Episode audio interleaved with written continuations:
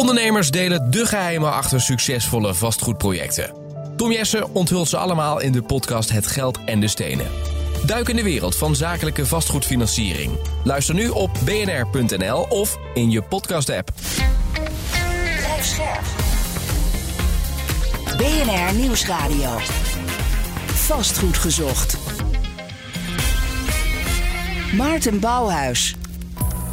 De huurder vindt dat er iets aan de woning opgeknapt moet worden. Of andersom, de eigenaar van het vastgoed zit met iemand opgescheept die weigert om het volledige huurbedrag over te maken. De vraag van deze week: hoe werkt het eigenlijk als je de huurcommissie inschakelt? Dit is vastgoed gezocht, jouw wekelijkse update over de wereld van de stenen. Je hoort ons eh, elke maandagmiddag om half vier en s'avonds om zeven uur op BNR of gewoon online via je eigen podcastspeler of bnr.nl. Joelle Lokhorst is mijn co-host deze week. We beginnen de aflevering met het nieuws uh, over misschien wel het belangrijkste bedrijf van Nederland, ASML. Ze willen projectontwikkelaars en woningcorporaties uh, helpen om bouwprojecten van de grond te krijgen. Um, dat is best bijzonder, lijkt me, Joelle. Ja, dat is het zeker. Ook omdat niet niet de woningen betreft voor hun eigen werknemers, maar het juist de betaalbare woningbouw is die ze willen stimuleren. Oké. En uh, het betreft een investering van uh, minimaal 100 woningen waar ze mee uh, willen helpen, waar potentiële verliezen deels overgenomen kan worden en waarin risico's overgenomen worden door ASML zelf. Maar worden zijn, kijk, jij werkt bij Boelens de Gruiten, jullie zijn projectontwikkelaar. Worden zij dan projectontwikkelaar? Wordt ASML een concurrent van jullie? Wat gaat er gebeuren? Nee, nee zeker niet. Uh, wat ASML wil bereiken is dat de projecten die zonder steun wellicht niet van de grond zouden komen, alsnog doorgang bevinden. Ja, door deel we, van het risico van die ontwikkelaar eigenlijk over te Eigenlijk wat we overal in de markt zien, namelijk er zijn projecten waarbij de onrendabele top zit, eh, lastig, ja. regelgeving. Nou, dat loopt soms vast in regelgeving, maar soms ook gewoon in het businessmodel. Ja. En nou zegt ASML, wij, wij, wij trekken dat risico naar ons toe, zodat de woningen wel gebouwd kunnen worden. Ja, en het betreft een enkele miljoenen euro's. Dus je moet ook, ja, zeker bij projecten van minimaal 100 woningen, is dat natuurlijk niet het grootste deel van de investering die je doet. Maar het kan wel net helpen om een project uh, doorgang te ja. laten. En dan gaat het dus over de regio Eindhoven, uiteraard, ja. waar ASML uh, zit. En het ja. eerste wat je zei is, ze doen dat niet per se voor hun eigen nieuwe werknemers. Nee, klopt. Um, en dat is ook omdat de impact die ASML heeft op de regio Eindhoven is enorm. Want sinds 2018 verdubbelde het aantal medewerkers van 20.000 naar ruim 40.000 uh, werknemers. En je moet je bedenken dat in, uh, in Veldhoven in totaal nog geen 50.000 inwoners wonen. Dus de impact al op de regio en op die woningmarkt is enorm. En de werknemers van ASML die verdienen voldoende om toch een woning te vinden.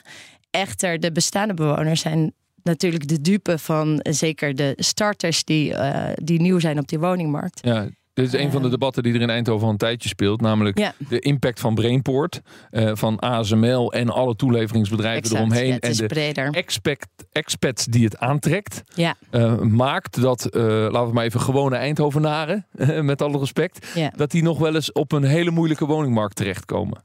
Ja. De, en, en dat maatschappelijke probleem wil ASML hiermee een beetje oplossen. Ja, en ik denk dat het ook noodzakelijk is. Want ook als ze, ze willen ook doorgroeien, dus de komende jaren komen ook nog 18.000 werknemers bij. Ja.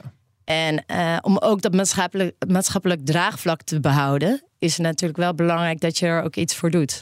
Ja, denk je dat dit een, een begin van een grotere trend kan zijn? Of uh, zou er ook weer weerstand kunnen komen waarin we zeggen: ja, dit is toch des overheids? Uh, uh, ja, Nederland moet ook niet een BV worden waarin het bedrijfsleven uh, dit soort projecten naar zich toe gaat trekken en daarmee natuurlijk ook uiteindelijk, in ieder geval informeel, meer macht krijgen. Nou, ik denk deze, dit is ook wel echt met maatschappelijk belang. Dus het gaat echt om huren tot 1100 euro per maand en, en koopprijzen tot 375.000 euro. Um, dus in die zin is het een echt een maatschappelijke daad die ze daarin uh, doen. En ook vanuit hun rol in die regio vind ik ook wel dat ze dat uh, moeten doen. Omdat ze echt wel impact hebben. En ook om een maatschappelijk draagvlak te behouden, is het denk ik essentieel. Echter vind ik het wel, ja, is het wel spannend of dit ook iets kan zijn voor andere steden waarin misschien niet zo duidelijk is dat de werkgevers een belangrijke rol hebben, ook in die woningmarkt en Ja. in de betaalbaarheid. Ja, maar gaat Booking.com dit in Amsterdam doen? Of is daar de verhouding anders? Of, Nou, ik zou het een goede zet vinden dat eh, werkgevers zich wel eh, bewust zijn van hun impact ook op die woningmarkt en op die betaalbaarheid. En dat ze dat ook laten zien met initiatieven zoals ASML. En als je het over enkele miljoenen euro's, ja, dat is voor zo'n bedrijf ook weer niet substantieel. Nee. Ehm, en ik denk daarnaast dat het ook wel eh, als pionier, als ASML, kan laten zien hoe ze het doen. En hoe ze het ook bewerkstelligen als ze het ook echt waarmaken. Natuurlijk, dat moet nog blijken. Maar dan eh, kan het ook inspirerend zijn naar de overheid hoe ze dat doen. Want de overheid zit al heel lang te puzzelen. Hoe gaan we nou die woningmarkt nee, stimuleren? Dus in en als het ASML wel lukt in een aantal projecten, kan dat natuurlijk wel interessant zijn. Vadertje Philips is terug. Vastgoed gezocht.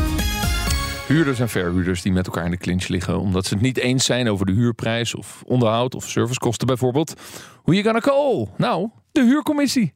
Asje van Dijk is de voorzitter van die huurcommissie. En jullie bestaan 100 jaar. Eh, mag ik jullie dan een soort rechtbank van de huursector noemen? Ja, dat mag je zeker eh, noemen. Ehm, huurders en verhuurders kunnen bij ons terecht. Een onafhankelijke geschillenbeslechter zijn we. Eigenlijk een buitengerechtelijke geschillenbeslechter ook.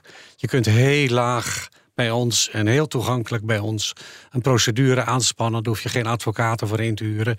Kun je gewoon heel makkelijk doen.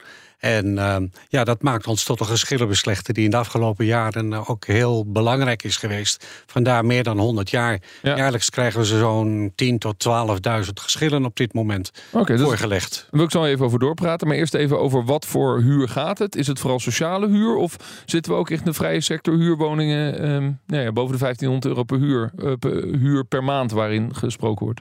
Nou, de huurcommissie is eh, in die 100 jaar vooral een buitenges- buitengerechtelijke geschillenbeslechter geweest voor de sociale woningbouw. Dus eh, de eh, niet geliberaliseerde deel van de woningmarkt. Dat zijn zo'n 2,5 miljoen woningen. En ja, daarover kunnen huurders en verhuurders die er samen niet uitkomen, bij ons komen. Maar dan staat er dus een corporatie tegenover een huurder of een huurder tegenover een corporatie. Ja, daar, inderdaad, tegenover elkaar. Ze komen samen naar ons toe, leggen hun geschil voor. Dat onderzoeken wij. En vervolgens gaat daar een commissie een uitspraak over doen... om te zeggen van, is het een redelijke huurprijs? Ja. Is er wel of geen gebrek? Eh, zijn de servicekosten goed berekend? En op die manier hakken wij de knoop door over het geschil. Je maakt het heel romantisch. Ze komen samen naar ons toe, maar in de praktijk is er toch eentje die klaagt. Eh, Er is eh, altijd natuurlijk iemand die klaagt en iemand die daar verweer op voert. Maar wij kijken objectief, volgens de regels ook en de normen die door de overheid meegegeven, wat een redelijke huurprijs is. Ja. En daar zijn wettelijke normen voor bijvoorbeeld. En welke aspecten, want je noemde al een aantal dingen, maar waar gaat het dan zoal over? Waar, waar verschilt men over? Men verschilt men over gebreken aan de woning, maar Ja. het begint eh, natuurlijk vaak met de huurprijs zelf. Is de huurprijs zelf redelijk? Maar je kunt ook eh, gebreken bij ons voorleggen die de verhuurder mij niet oplost. Dan spreken wij een oordeel uit, is er daadwerkelijk aantasting van het woongenot en is daar een bouwkundige oorzaak ook voor. Dat doen we met onderzoekers die ook echt komen kijken in de woning dan. Maar we spreken ook eh, geschillen over servicekosten bijvoorbeeld. Ja. Dan even naar de aantallen toe. Eh, het gaat om eh 12.000 eh, zaken per jaar. Dat noemde je al even. Groeit dat? Ja, dat groeit. Als je kijkt, 18, 19, 2018, 19 hadden we zo'n ja, 10.000 zaken jaarlijks. En in de afgelopen twee jaar zo'n 12.000. Nou, dit jaar komen we wel naar de 13. Maar de bedoeling is ook dat we verder gaan groeien vanwege het feit dat de middenhuur erbij komt. Ja. En natuurlijk die woningmarkt zelf, die ontzettend onder druk en onder spanning staat. eh, waardoor huurders nu ook veel vaker naar ons toe komen. Maar denk ook aan de jaarlijkse huurverhoging. Hè? De jaarlijkse huurverhoging, dan komen er heel veel verhuurders, zo'n 3500 per jaar, komen naar ons toe en zeggen: Ja, we zitten met een huurder die de jaarlijkse huurverhoging niet wil eh, betalen. Nou, help ons, doen we het niet goed, doen we het wel goed, spreek een oordeel uit. Ja, ik vroeg me af, eh, natuurlijk ook door die middenhuurregels die er aankomen, maar ook door het dwingend maken van ehm, eh, dwingend maken ook richting de verhuurder, dat die echt verantwoordelijk is ook voor de huurprijs, ook terugkerend. Eh, wat is daar de invloed van op jullie? En zijn jullie dan ook degene die dat handhaaft? Ja, op dit moment is dat nog niet zo. Hè? Dat Nee. het dwingend voorgeschreven is dat je het woningwaarderingsstelsel, het puntenstelsel, hè? een woning krijgt een aantal punten. Nou, dat kennen we allemaal. Ja. Hè? Als je meerdere kamers hebt, heb je meer punten. Heb je wel of geen centrale verwarming. Nou, zo tel je je huurprijs op naar een eerlijke, redelijke huurprijs. Dat wordt vanaf 1 juli waarschijnlijk, eh, als de Tweede Kamer daar straks mee akkoord gaat, wordt dat dwingend. Dus dan moet elke verhuurder ook ehm, een puntentelling doen. Dat kan bij ons ook. Hè. Op de website hebben we daar een prachtig hulpmiddel voor.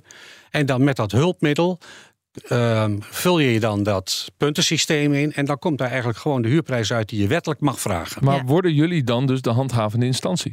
Wij zijn geen handhavende instantie.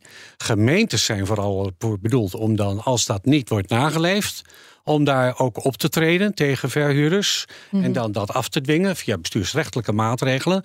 Maar je kunt ook altijd, als je bij ons dus een uitspraak hebt gekregen. en de huurder of de verhuurder houdt zich daar niet aan. staat ook altijd nog de weg open naar de rechter. Ja, dus dan moet het vanuit de initiatief van de huurder komen. Wij Eh, kunnen niet handhaven. Wij- nee. Maar onze uitspraak is wel bindend. De wet zegt dat als huurder en verhuurder bij ons zijn geweest, hun geschil aan ons hebben voorgelegd en wij hebben een uitspraak gedaan, dan worden huurder en verhuurder geacht zich aan die uitspraak te houden. En als er niet aan de uitspraak wordt gehouden, dan kun je naar de rechter gaan om dat weer af te dwingen. Om dat af te dwingen. En dan nu even naar de aantallen. Waar gaat het naartoe groeien? Nou, ik denk dat we wel naar zo'n 20.000 eh, ehm, geschillen eh, op jaarbasis kunnen doorgroeien. Dus met de nieuwe wet voor eh, de middenhuur. En Ja. dat is tussen de 800, zeg maar even afgerond, en 1100 euro huur in de maand. Nou, daar kunnen er wel zo'n 6000 geschillen bij komen. Kunnen jullie dat aan als organisatie? Nou, dat is een hele tour. Dat vinden we niet makkelijk. Maar het is niet zo dat we dat dan in één keer met een druk op de knop doen. Nee. We weten dat die wet in voorbereiding is. En we zijn nu al een half jaar bezig om ons helemaal voor te bereiden.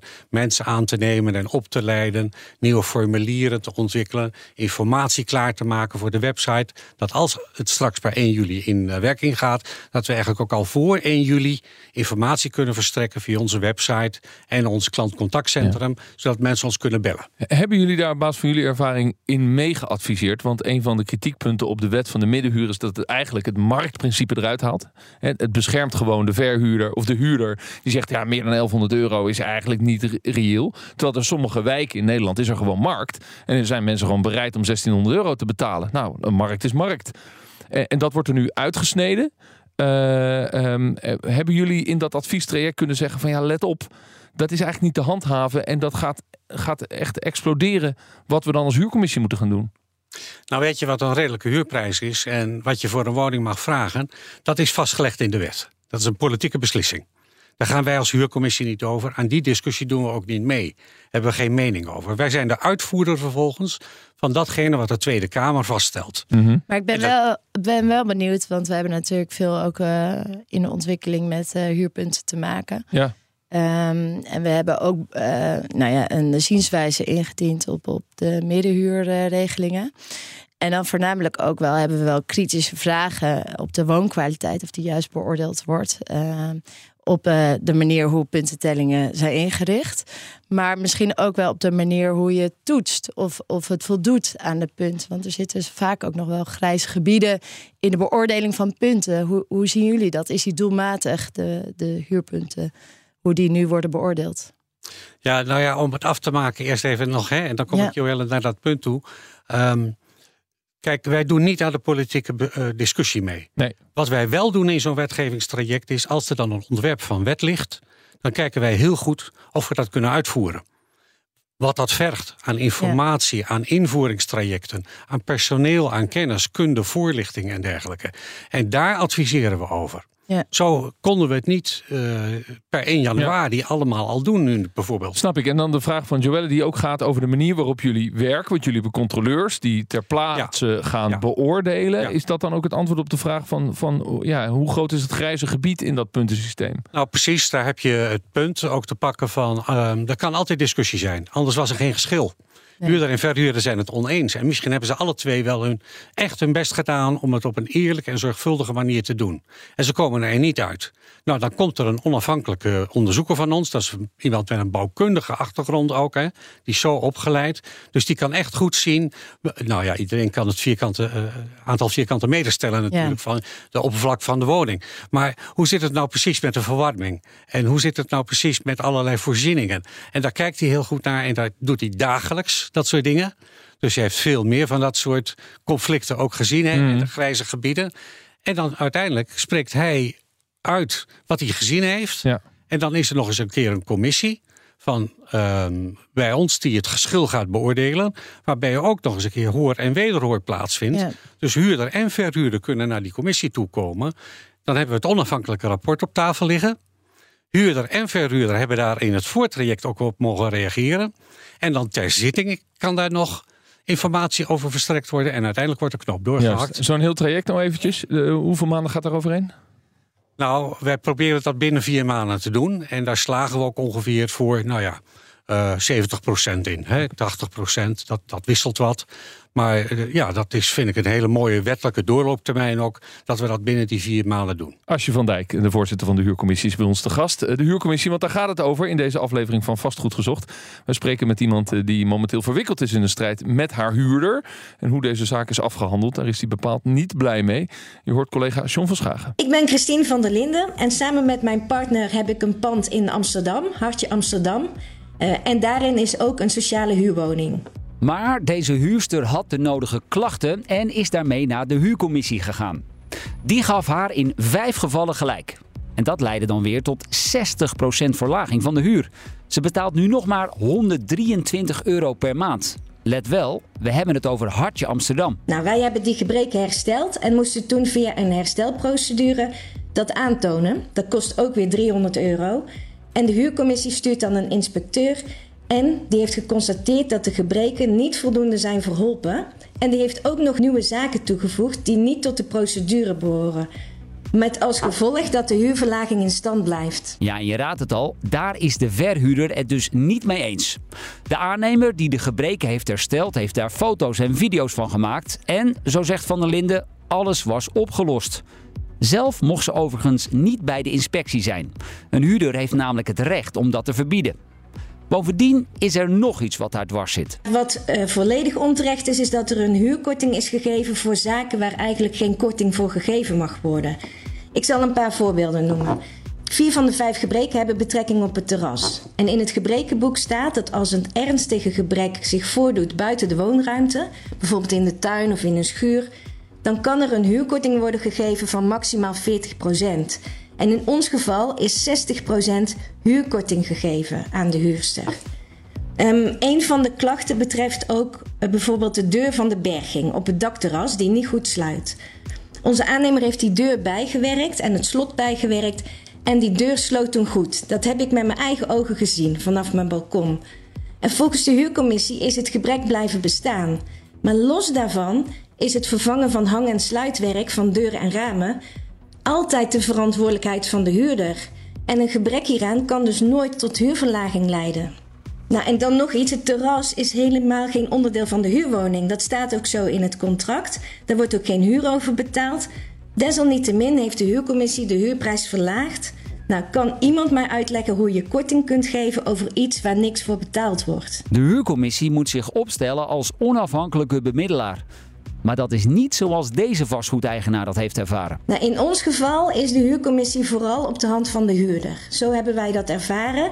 Ze hebben de wet niet uh, goed toegepast. Ze hebben hun gebrekenboek niet goed toegepast. We vinden dat ze tekortschieten als, als bemiddelaar uh, tussen huurder en verhuurder. En ze geven ook geen uitleg en reageren niet op klachten. Ze eist nu dat de uitspraak wordt vernietigd en dat de huur met terugwerkende kracht naar het oude niveau gaat van 307 euro per maand. Met een bijdrage van collega John van Schagen. Ik praat verder met de voorzitter van de huurcommissie, Asje van Dijk. Ja, hoe luistert u naar dit verhaal? Nou, elke klacht of elk ongenoegen over onze optreden, daar luister ik natuurlijk met interesse naar. Om daarvan te leren en te zeggen, wat is er dan precies aan de hand? Mm ik ben daar echter al, uh, ja, in de jaren dat ik gezien heb hoe de huurcommissie werkt, ben ik ervan overtuigd dat onze onderzoekers en onze voorzitters in de commissies en de zittingsleden die de klachten beoordelen en uiteindelijk daar een uitspraak over doen, dat die onafhankelijk en onpartijdig zijn. En dat hoor ik ook terug in onze klanttevredenheidsonderzoek. Ja, maar tegelijkertijd, wie is de klant eigenlijk bij een onafhankelijke geschillencommissie? Klanten sprak ik uh, uit. Hè? Dus de klant is de huurder en de verhuurder. Ja. En in een geschil zijn er altijd twee partijen, een huurder en een verhuurder. Ja. En daar staan wij dus niet tussen, maar wij staan daar eigenlijk naast. Ja. Om ja, te ik word altijd een beetje spastisch van het woord klant in een eh, overheidsdynamiek. Eh, maar maar dit, dit gaat om een particuliere verhuurder. En in 90% van de uitspraken die jullie doen, zijn zij vaak de verliezende partij. En, en dat is ook een beetje wat, wat deze particuliere verhuurder laat horen. Van ja, ze kan zich niet vinden in jullie uitspraak. Nee, dat, eh, dat is niet waar dat in 90% van de gevallen eh, de verhuurder ongelijk zou krijgen. Ehm, in 90% van alle huurverhogingszaken krijgt de verhuurder gelijk. Maar in gebrekenzaken is het inderdaad zo, zeker bij particuliere verhuurders, dat het heel veel voorkomt dat ehm, zij ongelijk krijgen, de verhuurders. Ja. En dat heeft Komt er dat? toch mee te maken dat zij, de particuliere verhuurder, die, nou ja, die heeft ongeveer 16% van eh, de woningmarkt in de, in de eh, sociale sector in handen. Maar meer dan 50% van de gevallen bij ons, die komen van particuliere verhuurders. En daar in 90% van de gevallen krijgt de particuliere verhuurder ongelijk. En dat heeft er echt mee te maken dat particuliere verhuurder dan onvoldoende op de hoogte is wat de rechten zijn van de huurder. En daar doen wij veel aan, in de zin van voorlichting. Ook met de, de belangenorganisaties, bijvoorbeeld Vastgoedbelang of eh, IVBN, de Vereniging van Institutionele Beleggers, om samen te kijken hoe we die voorlichting goed op orde krijgen. En kunnen de regels ook simpeler? Kan, het ook pragmatischer, de, de, de eisen en regels niet, eh, niet in de basis om de huurder te benadelen, maar om tot een middel te komen en een methodiek te komen wat helderder is, ook voor verhuurder en voor huurder, wat nou de eisen en rechten zijn? Ja, dat keep it simple, hè? zo Ja. goed mogelijk. Hè? Als je kijkt hoe we dat ingericht hebben, dat proces. Als je bij ons op de website gaat kijken van, nou ja, ik betaal misschien te veel huur.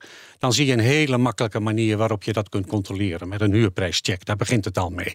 Die vul je in en dan komt een bedrag uit. Oh ja, ik betaal te veel. Dan ga je een verzoekschrift indienen. Dat is twee A4'tjes hè, met wat vragen over. En dan moet je je huurcontract eh, uploaden. En vervolgens komt er nog eens wat eh, informatie achteraan waar de huurcommissie om vraagt. En dan vervolgens komt er iemand kijken. En die maakt een onderzoeksrapport. Ja. Het is heel simpel op zich. Ja. Maar Nu- waar je aan moet houden als particuliere verhuurder, ja, dan moet je je natuurlijk wel goed op de hoogte stellen als je in die business gaat, wat de regels zijn en waar je aan moet houden. Maar geestig genoeg, als we nog even inzoomen op de kritiek van de particuliere verhuurder van de net. Die zegt eigenlijk, de, de huurcommissie behoort onafhankelijk te zijn. Maar de praktijk is dat ze heel erg op hand van de huurder lijken te zijn. En in het, in het websitevoorbeeld wat je nu net schetst... eh, begin je eigenlijk met, ja, wat kan die huurder bij ons vinden? Nou, het is allemaal heel makkelijk, kan het zo invullen. En dan kan hij een proces starten en dan... Blop. En de verhuurder, die moet zich goed bekwamen in, in welke business die stapt. En te zorgen dat hij geen fouten maakt. Zo, zo komt het op mij over. Dat voelt toch als...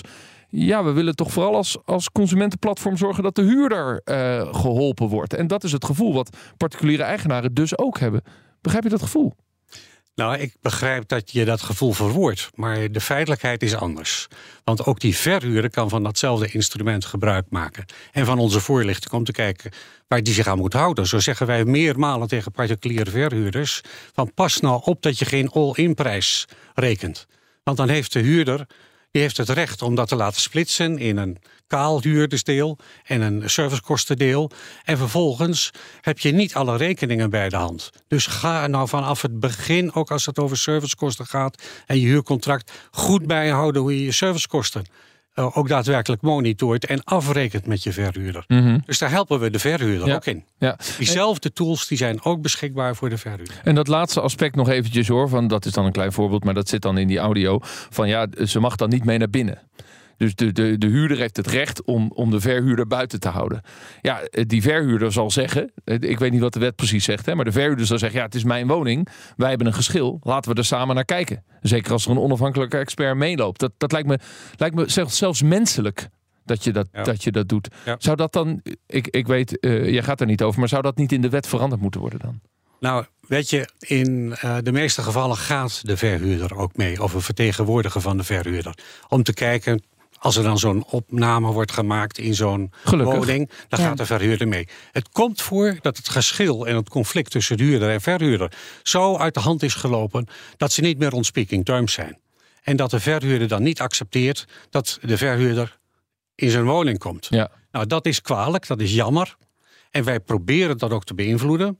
Hè, en door te zeggen van nou, nee, we komen het liefst ook met beide partijen in de woning om te kijken. En dat mag ook wat ons betreft. Dat stimuleren we ook. Maar de huurder heeft uiteindelijk het recht om te zeggen wie er wel zijn woning in komt en niet zijn woning in. Ja, ja. Oké. Ehm, eh, en dan de kwesties waarbij de verhuurder meestal wel in het gelijk wordt gesteld. Dat gaat over de verhogingen van de huur. Ja, ja. jaarlijkse huurverhoging heb je. Hè? Eh, nou, hoeveel eh, mag het eh, dit jaar weer? Nou, 2,3 procent of eh, 3,2 procent. Dat wordt wettelijk vastgesteld. En nou ja, dan zijn er nogal wat huurders die zeggen van ja, maar ehm, ik heb al. een aantal jaren achtereen huurverhogingen moeten betalen. Mijn inkomen is gedaald. Er zijn gebreken aan de woning. Eigenlijk ben ik niet van plan die huurverhoging te betalen. Nou, dan krijgen wij zo'n 3500 eh, gevallen elk jaar ook voorgelegd door verhuurders. Met de vraag: wil dat beoordelen? Hoe zit dat? En zit dat voornamelijk in de sociale huur? Dat zit nu in de sociale huur vooral. Ja, straks gaat dat natuurlijk ook naar de middenhuur. En die eh, 3500 gevallen, in 90% van de gevallen eh, krijgt de verhuurder gelijk. Ja, meer dan 90% en dan moet de huurder gewoon betalen. Ja, omdat het, de verhuurder zich keurig gehouden heeft aan alle wettelijke voorschriften. En er geen reden is om daarvan af te wijken. Ja, nou zijn jullie duidelijk voor allebei de partijen. Dat, dat heb je me wel uitgelegd. Eh, maar wat is nou het belangrijkste advies aan een verhuurder? Ehm, eh, ja, als ze in die markt actief zijn. En zeker als ze straks te maken krijgen met de nieuwe wet. Dus stel ik verhuur een woning voor 1200 of voor 1300 euro. Ehm, en ik moet naar onder die 1100. Eh, en ja, hoe ga ik dat nou doen? Eh, waarbij dus die, dat woningwaarderingsstelsel, eh, laten we zeggen, een wettelijk stelsel wordt. In de zin van afdwingbaar. Wat is dan het belangrijkste advies aan die verhuurder om toch, ja, laten we zeggen, te kunnen blijven functioneren in die markt? Ja, dat is dus je, je goed op de hoogte stellen of je goed laten adviseren. Dus kijk zelf wat je mag. Of vraag ook een goed advies aan een makelaarskantoor of een bemiddelaar die je daarbij kan helpen. Uh, de essentie ervan komt neer straks bij de wijziging van de wet ook op dat je een, een redelijke huur vraagt volgens het woningwaarderingsstelsel. Nou, daar hebben wij een tool voor ontwikkeld die op onze website is. Die kan iedereen, de huurprijscheck, die wordt 150.000 keer per jaar gebruikt. Nou, ik zou tegen particuliere verhuurders zeggen, vul dat nou eens gewoon in. En dan zie je binnen welke bandbreedte er nog discussie zou kunnen zijn Ja. over de huurprijs. En mijn tweede advies zou zijn, ga niet werken met een all-in prijs. Maar eh, ga het splitsen en hou goed de servicekosten bij. En wees je ervan bewust dat je de verantwoordelijkheid hebt dat je dan ook binnen een half jaar, na afloop van een jaar, hè, dus voor 1 juli, aan je, verhuur, of aan je huurder een afrekening hebt gegeven op basis van de werkelijke kosten die je gemaakt hebt. Wat we nu zien in de markt, waar dit programma heel veel aandacht aan heeft besteed, is het probleem van het businessmodel van de particuliere verhuurder. Ehm, waarbij het kernprobleem is, eh, hij heeft dusdanige lasten eh, voor het, laten we zeggen, hebben van de woning en het onderhouden van de woning, dat hij in dat eh, waarderingsstelsel gewoon niet uitkomt. Dus hij gaat het dan straks op jullie website invullen. Daar komt dan, nou zeg, 1025 euro uit. En dan legt hij dat naast zijn eigen Excel spreadsheet en dan zegt hij ja, dan ga ik de woning verkopen, want dit kan gewoon niet uit. En dan kan hij ook iets anders doen. Dan kan hij ook boos zijn en zeggen: Ik laat het even op zijn beloop. Mijn huurprijs blijft 1300 euro. Succes ermee. Ik kijk wel wat er gebeurt. Eh, Verwachten jullie dat dat gaat gebeuren en dat dat ook de reden is dat je dus een enorme stijging gaat zien van zaken? Dat laatste is natuurlijk niet de bedoeling, dat je zegt succes ermee en ik hou me niet aan de wet. Want iedereen wordt geacht zich daaraan te houden natuurlijk. Het is een politieke beslissing geweest en het parlement heeft daar de regels voor vastgesteld. Dus ik zou niet die weg adviseren. Ik zou zeggen van, kijk goed, past het in je businessmodel- businessmodel? Heb het er met je huurder goed over? Kom er samen uit. Want je hoeft niet naar de huurcommissie, maar je kunt het ook met elkaar regelen. Oh, maar dat is interessant. manier. Ik, ik, eh, eh, ehm, eh, ik vroeg ook niet naar een oproep of een advies aan de verhuurder. M- mijn eigen analyse is gewoon: die particuliere verhuurder die denkt, ja, het kan gewoon niet uit voor 1025, dus ik wil 1300 aanhouden. En hij zou dus wel naar zijn huurder toe kunnen stappen en zeggen: Kijk, dit is mijn spreadsheet. Ja. Ik, ik heb, eh, 1300 heb ik nodig. En, anders ga je maar naar de huurcommissie. Eh, maar ja, dan ga ik het pand verkopen. Eh, ja, succes ermee. Overigens breekt dat geen huur, dus dan heeft hij ook een probleem. Dus hij, hij zit behoorlijk vast. Zo, zo, zo ervaart hij het, hè? Zo klaagt hij ook naar Hugo de Jonge, dat, dat weet je. Maar, maar hij mag wel naar die huurder toestappen en zeggen... zullen we samen kijken of we op die 1300 kunnen uitkomen? Want anders houdt het op. Als straks het woningwaarderingsstelsel dwingend wordt voorgeschreven, dan moet iedereen zich daaraan houden. En dat is wel de bedoeling. Maar dat ligt nu bij het parlement voor. Dat je dus dat puntensysteem als de redelijke huurprijs hanteert. Het Ja. is zelfs verplicht om Ja. bij een nieuw huurcontract straks een puntentelling erbij te doen. Die, nou, die kun je dan bij ons natuurlijk eh, mooi invullen op die site ook. Zodat je weet, en de huurder kan ook zien, hoeveel punten heeft de woning. Wat is de redelijke huurprijs die daarbij woont. Als huurder en verhuurder dan tegen elkaar zouden zeggen... nou, ja, ik wil het op een andere manier regelen... maar we maken er geen conflict van. Ja, dat, dat is niet iets waar wij over gaan. Nee, nee, dat is... Ja, en die handhaving is vooral de, ook de uitdaging hoe dat gaat gebeuren. Want dat ligt eigenlijk ook op het initiatief van de huurder. Want de gemeente gaat niet langs om alle huurcontractjes te checken met de huurpunten van een woning. Nee, daar hebben ze Dus daarin geen capaciteit. het toch- Dat moet de gemeente wel doen, maar daar hebben ze geen capaciteit voor. Dat denk ik niet. Nee, maar je moet je wel realiseren dat de huurder dus ten allen tijde het recht heeft... Hè, het huurcontract wat hij heeft afgesloten... opnieuw ter toetsing voor te leggen en te zeggen tegen de huurcommissie... "Dit is een redelijke huurprijs. Ja, Dus allerlaatste dat punt. blijft Dat die, altijd over. die Ja. nieuwe wet voor de middenhuur die gaat worden eh, ingestemd pas door de nieuwe Tweede Kamer. Ja. De- de- dus in die zin gaan de verkiezingen ook een beetje over deze wet. Oh, maar de, de verkiezingen gaan over de hele woningmarkt. Maar dat betekent als er een Ja. meerderheid in de Kamer zou komen die deze wet niet wil, dan gaat dat van tafel per 1 juli. Dat zou kunnen. Dat weten we niet. Nee, dat weten we pas op 22 november. Nee, zelfs dan nog niet. Nee, nee, Want dan hebben we nog een eh, coalitiebespreking Wat er en een maar nog- regeerakkoord. eh. ja. Waar ik nog wel even benieuwd naar eh, ben, eh Asje, is, is die huurpuntentelling, de, de WWS-methodiek, door wie is die ooit bedacht? Is dat, zijn jullie daar eh, de voorloper in geweest? Oh, dan moet ik in de geschiedenis terug die ik niet zo goed ken. Hij is al heel oud, want jullie bestaan al al heel 100 jaar. oud. Ja, dat woningwaarderingsstelsel is echt een wettelijk stelsel in het burgerlijk wetboek ook opgeschreven. Hè, en Ja. waarover dat gaat. En natuurlijk zijn daar beleidsregels voor gekomen. Ehm, hoe je wel of niet eh, eh, vierkante meters van een keukenblad Mhm. eh, bijvoorbeeld moet tellen. Ja, dat is een goed voorbeeld. Ja, daar, waar nog wel eens discussie over kan, Ja. over Oh ja? kan ontstaan. Hè? Nou ja, het, het gekke is dat een eh, keukenblad, als die twee meter is, kan je weer wat een punt bij eh, Oh. zetten. Ik heb een eiland, Terwijl een van, hoog ik heb een plafond- eiland van drie Ja. meter. Oh, Maar een hoog plafond of een gang, eh, dat soort zaken weer niet. Dus het is wel heel gek en toch nog wel een beetje een ouderwets systeem van eh, de kwaliteit meten eigenlijk van een woning. Die niet overeenkomt altijd met ook de waardering eh, van, eh, van een huurder. Ja, in ieder geval niet de beleving van de huurder. Nee. Die, Nee. een, die een, een, een supermoderne uh, boelthoupkeuken erin heeft zitten. Betaald door de verhuurder. Zit het merk dat je boelthoupkeuken hebt, dat is een keuken die twee keer zo duur is dan de rest. Zit dat in het waarderingsstelsel? Nou, Niet, niet het merk Minimaal. vanzelfsprekend. Hè? Nee, ja, maar, dat, is de- de- dat Ja. heeft toch invloed op En ook woonbeleving. hoge plafonds. Of wat je nu ziet, ook in de ontwikkeling. En ook bij veel ontwikkelaars. Dat je een soort WWS-punten woningen krijgt. Met grote eh, bladen, veel woningen, geen gang. Om maar te voldoen eh, aan de optimale hoeveelheid eh, punten. En dat is natuurlijk niet de bedoeling. Zou ik zeggen. Nee, maar dit is een voorbeeld uit de praktijk natuurlijk. Hoe Ja. hier weer met het businessmodel gekeken wordt. Hoe het binnen de regels kan gaan passen. Ja. En de regels dus zelf niet aangepast kunnen worden. Want die zijn dan vastgelegd Ja. in de Tweede Kamer. Maar dan ga je weer kijken natuurlijk van... hoe kan ik ze zodanig toepassen... dat ik aan een maximale huurprijs kan komen... die nog steeds redelijk blijft. In plaats van de beste kwaliteit eh, genereren natuurlijk voor de gebruiker. Dat is altijd het uitgangspunt tussen huurder en verhuurder. Ja. Asje van Dijk van de Huurcommissie en eh Joelle, dankjewel. Fijn dat je er was. Eh Asje, dank voor het gesprek eh, over ja, hoe uitspraken tot stand komen, hoe de Huurcommissie werkt en dat jullie dus 100 jaar bestaan. Volgende week zijn we er natuurlijk gewoon weer. Voor nu bedankt voor het luisteren. Dag. Vastgoed gezocht wordt gesponsord door Mogelijk. Mogelijk. Vastgoedfinanciering voor ondernemend Nederland.